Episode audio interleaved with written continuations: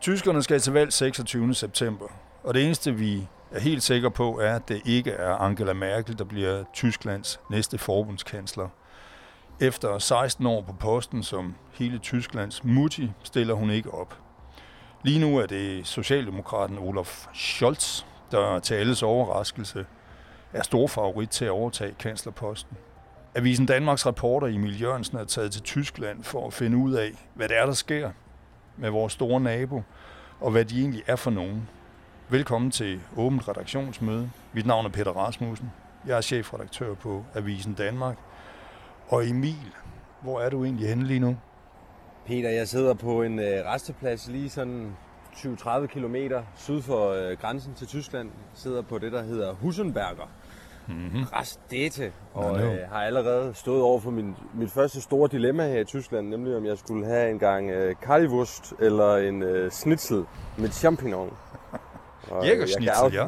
Jægerschnitzel, ja. Og jeg kan afsløre, at øh, det blev jægerschnitzel, som jeg lige har siddet og, og fortæret her. Fordi det lyder da som om, jeg skal samle nogle kræfter med den opgave, jeg skal på. Jeg skal simpelthen finde ud af, hvem tyskerne er, hvad de er for nogen. Ja, det synes jeg da vil være oplagt. Men øh, du har vel også et godt stykke tid til det. Hvor lang tid har du tænkt dig at være væk? Jeg har jo fået naret dig til at sende mig afsted i tre uger. Mm. Det, det var det, vi kan række til. Vi var jo i USA i tre måneder og kørte 12.000 km rundt i den amerikanske valgkamp. For, ja, det var et år siden, vi startede med det. Og øh, det har vi jo snakket om flere gange, Peter, det her med, at det er jo egentlig, det er jo egentlig en lille smule bizart, at vi kører sådan en væg-til-væg dækning af amerikansk politik, af britisk politik, mens at vores store nabo mod syd, vores største handelspartner, det vigtigste land i Europa, den største økonomi i EU, vi kan blive ved med at ramse alle mulige ting op, egentlig bare er sådan lidt en ret, vi ikke gider røre ved. Mm. Øh, eller i hvert fald ikke bruger lige så mange kræfter på. Så, så det er jo lidt det, der også er forsøget med, med den her udsendelse, hvis vi kan kalde den sådan, at øh, vi skal prøve at forelske os lidt i tyskerne. Vi skal prøve at forstå, som du siger, hvad er det egentlig for, for, et, for et folk af 83 millioner mennesker, der, der befinder sig lige syd for os. Altså, der er jo det problem med tysk politik, at det er ikke særlig spændende, og det er næsten karakteriseret ved ikke at være særlig spændende. Uh, Angela Merkel, hun har nærmest vundet det ene valg efter det andet på ikke at være spændende. Så det er jo lidt af en opgave, vi står med, synes jeg. Ja, og det, det er jo egentlig et meget sjovt billede på det her forudsigelige tyske politik, som, som det tit bliver klandret for at være, at, at alle dem, der stiller op, alle dem, som, som, som kandiderer til at blive Angela Merkels afløser, er alle sammen jurister, er alle sammen nogen, som, som øh, lidt har et image af, at de godt kunne være din bankrådgiver. Det er det her meget, meget fornuftige, stabile, som, som tyskerne prioriterer. Jeg skrev i en klumme i avisen, der blev bragt til onsdag i den her uge, at, øh, at vi skal helt tilbage til 1982 for at finde en tysk kansler, som ikke har læst jura. Lige med undtagelse af mønsterbrøderen Merkel, som så til gengæld har en doktorgrad i kvantefysik. Ja, det er vildt. Men det er jo også, Peter, det er jo også som om, der sker noget. Altså, det, det, nu øh, har jeg jo godt nok kun været i Tyskland i en times tid, så jeg skal ikke allerede her udgive mig for at være en helt stor Tysklands ekspert. Men, men når man bare følger en lille smule med i, hvad der sker i den her tyske valgkamp, så er der jo kender og eksperter, der allerede er begyndt at bruge ord som fuldstændig uhørt, som øh, altså, banebrydende og sensationelt, at man har en situation nu, hvor Angela Merkels stolte kristendemokratiske borgerlige parti, CDU, de står til at få deres dårligste valg siden 1949. De ja, rasler nedad i stemmerne. Men det er vel også det, der er en lille smule spændende, fordi altså, nu ham der er Olaf Scholz, som øh, så er socialdemokrat, han kan jo lige pludselig komme ind og lave noget nyt. Altså, det, det ligner jo et valg, der, der, der både er væsentligt på alle de der områder, du nævnte før, men det kan også gå hen og blive en lille smule sjovt. Ja, lige præcis, og det, og det, det bliver sjovt på den sådan lidt tyske måde, fordi at Olaf Scholz er jo ikke, er jo ikke en sensation, fordi han på nogen måde er farverig. Snart tværtimod. Altså, vi har jo modet os lidt på bekostning af Sleepy Joe, præsidenten af de forenede stater i Amerika, Joe Biden, i, øh, i foregående podcast. Men sammenlignet med Joe Biden, der, der ligner den amerikanske præsident altså en, øh, en fedtet brunsvigermand. Så tør han kiks af øh, Olaf Scholz. Jeg læste New York Times, de havde skrevet i øh, deres avis, at at se ham tale, at se ham holde politiske taler, det var omtrent lige så spændende som at se vand koge. Ja. Og han har, jo, han har jo det øgenavn her i Tyskland, Scholzomat, fordi ja. at man simpelthen mener, at han er nogenlunde lige så karismatisk som en sodavandsautomat. revisoren fra Hamburg. Lige præcis. Men han står jo så også bare for noget af det, som, som tyskerne virkelig værdsætter. Han står jo for noget stabilitet, han står for noget erfaring, han har bestridet samtlige politiske poster, der nærmest er at bestride i Tyskland uden kanslerposten. Og, og på det punkt, der slår han jo bare den, den grønne sensation, de grønnes, Annalena Baerbock, den unge kandidat. Der er mm. jo tre, som man skal have sig for øje. Det er Olaf Scholz, vi allerede har nævnt. Så er det Annalena Baerbock, og så er det jo ham, som man havde troet skulle, skulle afløse Angela Merkel ganske naturligt. Armin Laschet fra hendes eget parti. Men han har jo virkelig jogget i spinaten med en, en form for et fjollet grin. Ja. Det, hvad, det var noget i forbindelse med, med en tale om, øh, om, om oversvømmelserne i Tyskland. Ja, lige præcis. Det, det var i forbindelse med, at, øh, at hele den her tragedie, som jo udspillede sig i sommer, hvor at øh, store, store dele af specielt Vesttyskland var under vand og øh, led under oversvømmelser, og i forbindelse med en af de her meget alvorlige og dystre taler, der bliver holdt, der står Armin Laschet i baggrunden af præsidenten, der på det tidspunkt taler og fortæller om sorgen, og fortæller om døden, og fortæller om offrene. Og så står Armin Laschet bagved, simpelthen og griner fjollet. altså lovklaskende øh, komik står han og fortæller en 3-4 andre herrer, der står rundt omkring ham. Man kan simpelthen se, at han står og jamen, fyrer vidtigheder af, og, øh, og, og står nærmest med tungen ud af munden og griner. Og det bliver jo selvfølgelig for evigt. Og det er måske lidt hårdt at sige, at det er det, der har, der har, der har skabt hele CDU's nedtur, men, men det er i hvert fald en stor del af det. Det, det er som om, at det, det er for mange rigtig svært at vaske bort. Det der billede af Armin Laschet, der griner fjollet, mens at tragedien udspiller sig lige foran snotten på ham. Hvor Annelena Baerbock er åbenbart også kommet galt afsted med, med, med, med, hvad er det nu, når hun lavet? Hun har, hun har øh, øh snydt lidt med sit øh, CV og taget nogle uddannelser, hun ikke har taget, og plagieret en bog eller noget. Ja, altså nu, nu fik jeg lige nævnt, at de alle sammen jo har læst jura og, og har den her baggrund. Hun er måske den, hvor det er mest tvivlsomt, fordi hun, hun har, har læst netop... mindst jura. Ja, hun er den, der har læst mindst jura. Hun har netop øh, fusket en lille smule med noget CV, og øh, det er jo selvfølgelig blevet opdaget, hvilket er mildest talt uheldigt. Og udover det, så, så rammer hun heller ikke særlig mange politiske bolde i røven øh, i øjeblikket. Hun har udmærket sig øh, for nyligt i sidste uge ved, at øh, Bild Zeitung, det største tabloidmedie i Tyskland, de havde simpelthen en hel side, som var blank i deres avis. Okay. Og så skrev de, her skulle Annalena Baerbock have kommet til ord. Her skulle hendes interview have været. Men trods gentagende forsøg, er det ikke lykkedes os at få hende til at stille op. Og det er altså Tysklands største formiddagspresse, som, som hun af en eller anden grund ikke, ikke vil stille op i. Og det skriger jo også bare til himlen. Øh, det er jo, det er jo et selvmål, at det allerede er blevet erklæret til, at hun på en eller anden måde, også fordi hun repræsenterer det her miljø i Tyskland, som måske bedst kan, kan, kan, kan sammenlignes med politikken-segmentet, Østerbro-segmentet i Danmark. Ja. Det er sådan lidt, øh, nogle tyskere vil måske sige bedrevidende, øh, politisk korrekte, øh, højt akademiske Tyskland, hvor man føler sig lidt hævet over andre, og det, der, der bidrager det ikke særlig godt til den fortælling, når man, når man ikke engang vil stille op og forklare sin, sin politik. Så hun er gået fra at ligne et, et sensationelt bud på en, på en mulig afløser til Angela Merkel til nu at være nummer tre i, i, i køen, som det ser ud lige nu, med Scholz og Martin, Olaf Scholz på en, øh, på en førsteplads. Ja, han, han er så til sydenlædende kommet fra en, en plads helt nede bagerst i klassen, efter et noget problematisk samarbejde med, med de konservative, altså med Angela Merkel. Øh, og en af hans største forser, sådan, sådan forstår jeg det i hvert fald, det er, at han er lige så kedelig som Angela Merkel. Øh, altså fuldstændig lige så, lige så glansløs. Han bruger det oven i købet selv i sin, øh, i sin øh, valg Øh, øh, sådan noget med, ikke i kan auch øh, kanslerin verden eller noget i den retning. Jeg har ikke læst det, men jeg har kun hørt det. Har du set nogle af de der valgplakater, hvor han siger, ja. at han kan også øh, blive kanslerinde? jeg, har ikke, jeg har ikke stødt på nogen af dem endnu, men det, det har været en historie i Tyskland, som jeg har registreret mig, at, øh, at han jo gør alt, hvad han kan for at ligne Angela Merkel så meget som muligt. Og det er han ikke den eneste kandidat, der gør, fordi at hun er jo stadigvæk uhyre populær.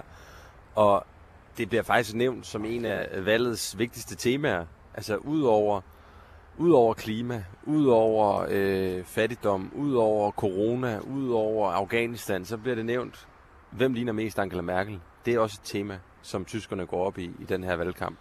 Og det bliver jo sjovt at dykke ned i, og det, øh, det bliver noget af det, jeg skal kigge på de næste tre ugers tid. Men det er jo også vigtigt lige at understrege, Peter, før at vi får kørt os ud på en eller anden, en eller anden rampe, hvor vi står som øh, Tysklands eksperter og sige, at øh, i virkeligheden er det jo slet ikke de tunge politiske analyser, som jeg, jeg tør at danse mig ud i. Jeg, jeg skal jo i virkeligheden prøve at se på, hvordan at, at hele det her politiske spil, og hvordan hele den her valgkamp opleves ude i befolkningen, blandt ja. så mange forskellige tyskere som, som overhovedet muligt.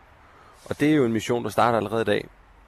Ja, fordi de almindelige tyskere, de er så gået fra at være øh, konservative, i flertallet i hvert fald, til at være socialdemokrater. Øhm, så det er da spændende. Hvad er der sket med tyskerne? Ja, det er jo i hvert fald det billede, vi har af tyskerne, men det, der også er spændende at se, det er jo at prøve at, at, at trykke på lidt om nogle af de stereotypforestillinger, nogle af de fordomme, vi måske har om vores nabofolk, i virkeligheden er en lille smule passé.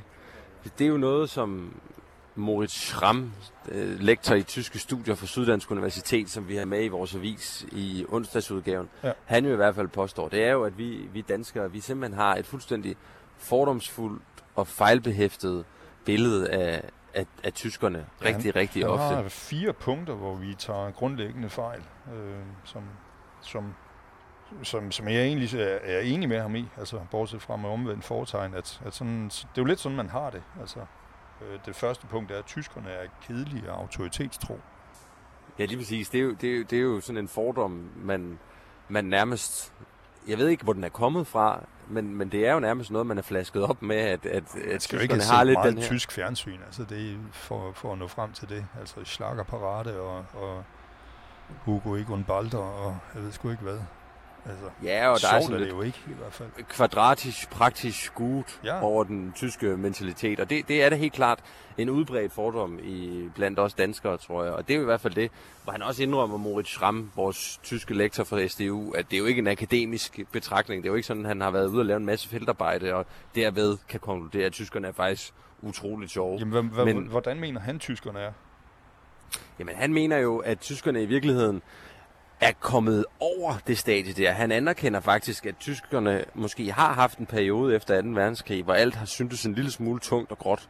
Han anerkender også, at, at, at tyskerne jo generelt er mere konservative, og har været mere konservative, end, end vi danskere har været, men, men det nye Tyskland, det unge Tyskland, er bare noget helt andet, mener han. Det er langt mere spraglet, meget mere farverigt. Øh, han bruger som eksempler, at, at politisk satire storhitter og går meget mere flæsket på, på, på deres politikere, end han oplever, det gør i Danmark. Og, og et andet eksempel, han nævner, det er det her med, at tyskerne skulle være så autoritetstro. Ja. At der, der, der oplever han det stik modsatte, nemlig at vi danskere er fuldstændig altså, øh, blinde i vores tro på myndigheder. Hvor man i Tyskland har en helt anden bevågenhed omkring GDPR, omkring ens persondata, omkring ens jamen, øh, data i det hele taget så er vi i Danmark jo klar til bare at lukke øjnene og, og give, vores, give vores tommelfinger og øh, nem idé samtykke, hvis vi kan få en lidt hurtigere genvej på Facebook, øh, oplever han det i hvert fald. Og det, det er der måske også noget om, at, at billedet af tyskerne som værende specielt autoritetstro, måske heller ikke rigtig holder, holder stik længere. Lad os bare tage øh, fordom nummer to. Den tyske maskine kører som smurt, mener danskerne altså generelt. Hvad? Ja, og, og der, der I forstås jo selvfølgelig øh, det tyske byråkrati, det tyske system, det tyske vejnet, autobahn, vi kender alle sammen, hvordan vi kan fræse ned igennem Europa, hvis, lige så snart vi rammer autobahn. Alle de her ting, der er bare noget ordning mod sign over det. Der er bare noget, der er styr på sagerne i Tyskland. Det, det, det kan de finde ud af, alt sådan noget der. Med proces og med... Og det, det, det passer så bare heller ikke overhovedet. Og det, øh, det, det, det, det behøver man faktisk ikke at grænske ret dybt ned i Tyskland for at allerede finde eksempler på. Jeg ved ikke, jeg ved ikke er, det, er, det, er det også sådan et, et billede, du har haft, at, at man tænker lidt, at Tyskland, det, det fungerer? Ja da, det synes jeg. Ja. ja. Forsprung durch teknik, som Audis øh, slogan er. Ja. ja. Det, det, Men det viser, sig, det viser sig jo så, at, øh, at, at, at Tyskland er blevet efterladt på perronen for mange år siden, når det for eksempel kommer til digitalisering. Altså et, et sjovt eksempel herpå, som mange har hæftet sig ved, det er jo, at under hele coronaperioden her, der har de forskellige regioner, de har jo faxet deres coronatalent. Ja. Simpelthen fordi, at øh, man, ikke, man ikke har øh, digitaliseret den del. Jeg har fået eksempler på, at der er flere steder i Tyskland på skoler, som har været coronanedlukket, simpelthen har været elever, som har skulle troppe op på skolen, fået udleveret deres opgaver til dagen fysisk på papir igennem vinduet, for så at gå hjem og løse dem, for så at gå tilbage på skolen og aflevere dem igen. Simpelthen fordi, at, at de, de, de, det er ikke noget, som, som man har fået gjort. Man har ikke digitaliseret skolevæsenet mange steder. Og det er jo, altså det er jo, i en dansk sammenhæng lyder det jo helt absurd. Der, man skal jo heller ikke have været længe i Tyskland, før man bliver afkrævet bargæld, altså kontanter. Det der med at have sit visakort med, det er bare ikke gangbar mønt alle steder. Men det har jeg oplevet for så sent som en halv time siden, hvor at, øh, det skulle koste 50 cent at øh, få lov til at komme på toilettet. Og det, øh, det var jo ikke lige noget, jeg havde fået, fået styr på. Og det var heller ikke noget, jeg lige kunne få heroppe. Jeg, der er jo ikke noget, der hedder, at man lige kan hæve et par euros over, og så får man nogle mønter tilbage. Nej. Så øh, jeg måtte jo simpelthen øh, snige mig forbi øh, mutter, der stod dernede med kosten. Og øh, ligne en stor undskyldning på vejen ud, da hun så opkrævede mig penge og sige øh, en schuldigung. Så du har snydt en cheesekone? Det har jeg for øh, simpelthen 50 cent. Nå, vi er kommet til øh, fordom nummer tre. Det tavse flertal i Tyskland ønsker en stram udlændingepolitik. Mener altså Moritz Schramm. Ja, det mener han i hvert fald, at vi tror. Ja. Det mener han, at, at danskerne, at det er, en, det er en udbredt misforståelse, at, at vi har så meget fokus på Alternative for Deutschland, AFD, det her nye højre nationalistiske parti. Ja. Vi har meget fokus på Pegida, de her muslims øh, kritiske demonstrationer, som man har set mange steder i Tyskland. Og i virkeligheden er det en sensationel dækning, fordi som han ser det, så, så er det ikke en historie om, om nye bølger, der er på vej i det tyske samfund, om nye strømninger. Det er i virkeligheden en marginaliseringshistorie. Fordi han siger, at de ta- det tankegods, der, der befinder sig på de fløje der, det har i virkeligheden været langt mere udbredt. Det har været den dominerende mentalitet for mange i Tyskland, i hvert fald i Moritz Schramm barndom. Han er født i Vestberlin og er, er, er opvokset i, i 80'erne, og han, han siger, det handler i virkeligheden om, at resten af Tyskland har flyttet sig væk fra der, hvor AFD og Pegida befinder sig. Ja. Og i virkeligheden, så, så har vi en tendens til at tro, han nævner som eksempel, han var med i et debatprogram på tv, dansk tv på et tidspunkt, hvor en, en vis øh, chefredaktør fra Weekendavisen, Martin Krasnik, han nævner, at hvis Socialdemokratiet, altså SPD ja. i Tyskland, skulle have en chance, så var de nødt til at adoptere det danske Socialdemokratis udlændingekurs. Altså simpelthen rykke sig mod højre, ligesom Socialdemokratiet har gjort, og på mange måder overtaget en del af Dansk Folkepartis vælgere kan selv det med bare en lille smule øh, lommeanalyse i Danmark vil godt erklære sig enige i. Og det, det mener Martin Krasnik, det måtte være modellen for SPD også. Og der, det, det, det bruger Moritz Schramm som, som et rigtig godt eksempel på, at vi bare overhovedet ikke har fattet tyskerne, fordi det er der slet, slet ikke opbakning til, på samme måde som der er opbakning til i Danmark. En, øh, et stort flertal af tyskerne ønsker ikke en strammere udlændingepolitik. Og den misforståelse, som vi også har med, at Angela Merkels største brøler var de famøse mm. ord, wir schaffen das. At hun, at hun lidt for kægt erklærede, at den der flygtningekrise, det skulle Tyskland nok, det skulle Tyskland nok klare som frontløber for Europa, og, og det, det gik jo ikke, men, men det er ikke på nogen måde Angela Merkels Waterloo. Det er ikke på nogen måde noget, som, som kommer til at, og, og, og ødelægge hendes eftermæle i Tyskland, for det kan man jo også se, hun er jo stadigvæk en uhyre populær kvinde, Angela Merkel. Så det, det er hans øh, punkt nummer tre, det er simpelthen, at øh, vi tager fejl, hvis vi tror, at der findes et tavs flertal i Tyskland, der i virkeligheden ønsker strammere asylregler, strammere udlændingepolitik. Men det passer måske bare ind i sådan lidt fortidig forestilling om, hvad tyskerne bærer rundt på af tankegås. Ja. Ja. Men lad os bare tage øh, fordom nummer 4. Tyskerne har stadig dårlig samvittighed over 2. verdenskrig. Ja, og det, der, det, der nævner Moritz Schramm jo det her med, at det hører han gang på gang på gang, brugt som en eller anden forklaringsmodel på ditten og datten på, hvorfor Tyskland de ikke har nogen humor på, hvorfor Tyskland de er så politisk korrekte på, hvorfor Tyskland har den holdning til udlænding, som de har. Det er, at, at det er simpelthen fordi, de har dårlig samvittighed. Altså kollektiv skam over nazitiden, kollektiv dårlig samvittighed over holocaust, gør, at, at Tyskland de har en helt bestemt type politik, som, som ikke minder om ret mange steder i Europa. Og jeg tror, Moritz Ram er enig i, at, at erfaringen fra 2. verdenskrig helt klart har, har haft en stor, stor indflydelse på jamen, hele demokratiopfattelsen i Tyskland. Han nævner det her med, at i Danmark, der værner vi utrolig meget om ytringsfriheden. I Danmark, der virker det som om, at demokratiets vigtigste indikator, det er, at vi kan få lov til at sige, hvad vi vil, og alle kan få lov til at sige, hvad de vil. Hvor at hans påstand, det er, at i, i Tyskland er det nærmest skrevet i grundloven, at det er langt vigtigere, at den enkelte minoritet bliver beskyttet, og at den enkelte minoritet ikke på nogen måde kan blive ramt af et, af et flertal eller af myndighederne, hvis der er opbakning til det. For det har Tyskland jo erfaring med. Men det handler ikke om dårlig samvittighed. Det handler ikke om, at de pisker sig selv. Det handler bare om, at de, de har en erfaring, som de måske en lille smule tysk, meget øh, objektivt og nøgternt, så benytter sig af. Det er i hvert fald det, som, som Moritz Ram, han mener, at vi, vi skal ikke gå og tro, at tyskerne de stadigvæk har går med, med, med bøjede nakker over, øh, over det, der skete for snart 75 år siden. Nej. Men Emil, vi skal jo også, øh, altså det er jo, alt det der, det er jo noget, du skal ned og trykprøve og opleve selv. Hvad er planen egentlig? Hvad er første nedslagspunkt på din tur rundt i det tyske valg? Det første nedslagspunkt nærmer sig faktisk med hastig skridt, fordi jeg kan kigge her på klokken og se, det er om 18 minutter. Der skal jeg mødes med øh, en, en ung kvinde, der hedder Majlis Rusberg, som er, øh, som er tysker, men hun er også dansker.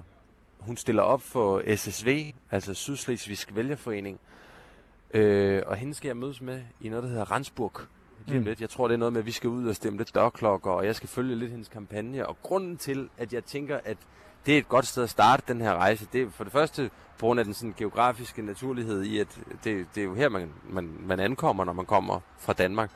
Og så er det også fordi, at, at det her jo på mange måder er sådan lidt et mini-Danmark i Tyskland. Og det er der flere interessante ting ved. Altså for eksempel er det meget interessant her i Slesvig-Holstein, at de på de såkaldte lykkeatlas, der er blevet lavet de sidste 7-8 år, simpelthen hvert år topper som det lykkeligste folk i Tyskland. Okay. Og det er jo meget sjovt sådan at dykke ned i. Altså, er det et eller andet dansk DNA? Det er der nogen, der mener. Det er måske lidt for simpelt. Handler det om noget andet? Eller hvad, hvad er det for et område? Hvad er det for nogle tyskere, der bor her? Og hvad, hvordan adskiller de sig fra alle mulige andre tyskere? Og det, der, der tænker jeg, at en sådan en dansk-tysk stemme, som, som Mejlis, der, øh, der jo stiller op til forbundsdagen også, er, er, er et godt sted at starte. Og så er det interessant, fordi Sydslesvigsk Vælgerforening, de for første gang siden 1965 faktisk stiller op til forbundsdagen. De plejer ikke at engagere sig i øh, de nationale valg på den måde, og de får formentlig en kandidat ind. Så hvordan de vil bruge den indflydelse er jo også noget, som, som kan være, som, som jeg synes, vi skal, vi skal snakke med mig lige om. Og så ellers derfra, så går det bare altså, over stok og sten. Jeg regner med, at vi skal ud på en tur, der var jamen, 2-2.500 kilometer. Vi skal igennem det gamle Østtyskland, vi skal køre langs den polske grænse, vi skal helt ned i Bayern, vi skal over i Vesttyskland, vi skal øh, slutte i Berlin, vi skal ud på et, vi skal ud på et Tysklands eventyr. Fedt. Og øh, det, er jo, det er jo ikke kun vores lille boble her, Peter, dig og mig. Øh, Nej. Det, er jo, det, er jo, det er jo virkelig også noget, som vi har øh, nogle lyttere med og læsere med på råd, fordi at, øh, der er blevet afholdt nogle, nogle arrangementer forud for rejsen, hvor øh, en, del, en del læsere i både Odense fra Fyns Stifttidene og øh, fra Jyske Vestkysten jo mor er, er kommet for at fortælle lidt om, hvad for nogle idéer de har, hvad for nogle spørgsmål de har, og hvad, nogle af dem ved jo sikkert også mere om Tyskland, end vi gør, så, så hvad for nogle råd de har til, hvordan man kan strikke sådan en Tysklandsdækning her sammen. Ja, så kan man jo så, så gå ind på øh, spørgavisen Danmark.dk, hvis man har særlige forslag til dig. Spørg skal jo staves S-P-O-E-R-G, avisen Danmark.dk, hvis man har særlige forslag eller spørgsmål øh, til, til din dækning. Men Emil, skal vi ikke, øh, skal vi ikke snøre sækken, så du kan nå din aftale? Jeg synes også, øh, den her podcast afslører fint, at, øh, at vi har også noget, der skal tjekkes op på, både i forhold til tysk politik og hvad tyskerne er for nogen, så øh, lad os se at komme i gang med din rundtur. Alles klappt. Alles klappt, ja, spidse. Jamen tilbage er der vel kun at sige, at øh, man kan følge med her, hvis man vil finde ud af, hvad det tyske valg går ud på, og hvad tyskerne er for nogen, og vi laver en tysk version af Ring hjem Emil en gang om ugen. indtil valget er overstået, og måske også lidt efter, for lige at finde ud af, hvad der så kommer ud af det. Hvordan siger man egentlig det på tysk, Peter? Ring hjem, Emil. An, anrufen nach Hause, Emil. Den Nach Hause anrufen. ja, Ja, det, ja, vi skal også have frisket op på det tyske. Emil, god tur, og øhm, vi tales ved. det gør vi, Peter. Tschüss. Tschüss.